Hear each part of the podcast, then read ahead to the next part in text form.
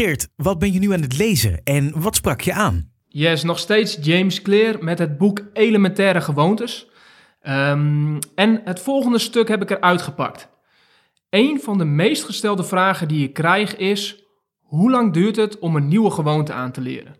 Maar wat mensen eigenlijk zouden moeten vragen is: hoe vaak moet ik deze handeling herhalen voordat de gewoonte een automatisme wordt? Waarom sprak juist dit jou zo aan? Het maakt heel erg duidelijk uh, dat de kracht in herhaling zit.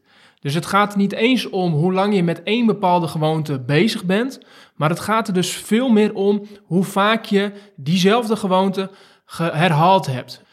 En daarin zit voor mij wel echt een eye-opener.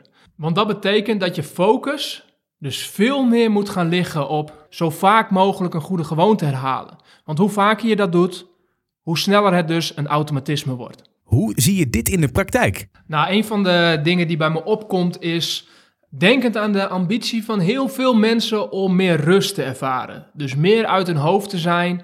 En um, de oplossing die vaak gezocht wordt, is door te focussen op één grote actie, één grote verandering. Uh, en daar ook gelijk uh, uh, hoge verwachtingen van te hebben. Dus gelijk te verwachten dat dat een groot resultaat oplevert. Dus bijvoorbeeld door, door echt een weekend weg te gaan, um, of meerdere vrije dagen te plannen. misschien een, een retraite te boeken.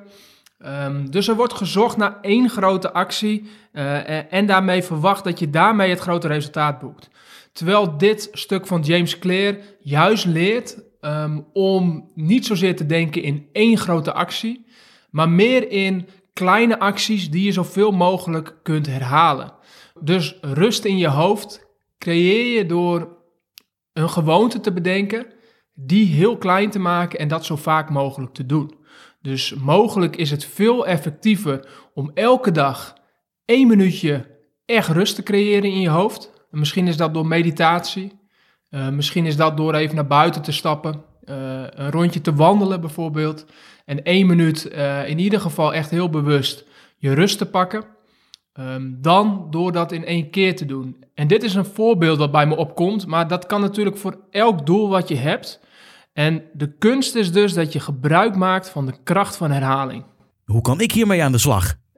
ja, in mijn uh, enthousiasme had ik het al wat vrij over uh, uh, concrete voorbeelden, dus hoe je dat in de praktijk kan brengen. Maar de kern is voor mij, en zo zou je daarmee ook in de praktijk aan de slag kunnen gaan, dat heeft 100% te maken met een mindsetverandering.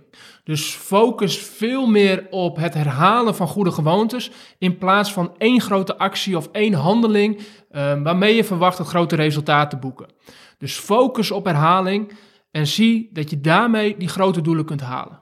Oké, helder. Bedankt voor het delen. Ja, graag gedaan. Jij bedankt voor het luisteren en je aandacht. Uh, en als we het dan toch hebben over delen, dan wil ik je nog het volgende vragen. Als deze podcast jou iets van waarde heeft opgeleverd, dan wil ik je vragen om je hierop te abonneren. Je blijft dan op de hoogte van elke nieuwe aflevering die ik online zet. En daarnaast wil ik je vragen om deze podcast te delen met één iemand uit je omgeving waarvan je weet dat hij of zij hier ook iets aan heeft. Dankjewel en tot de volgende keer.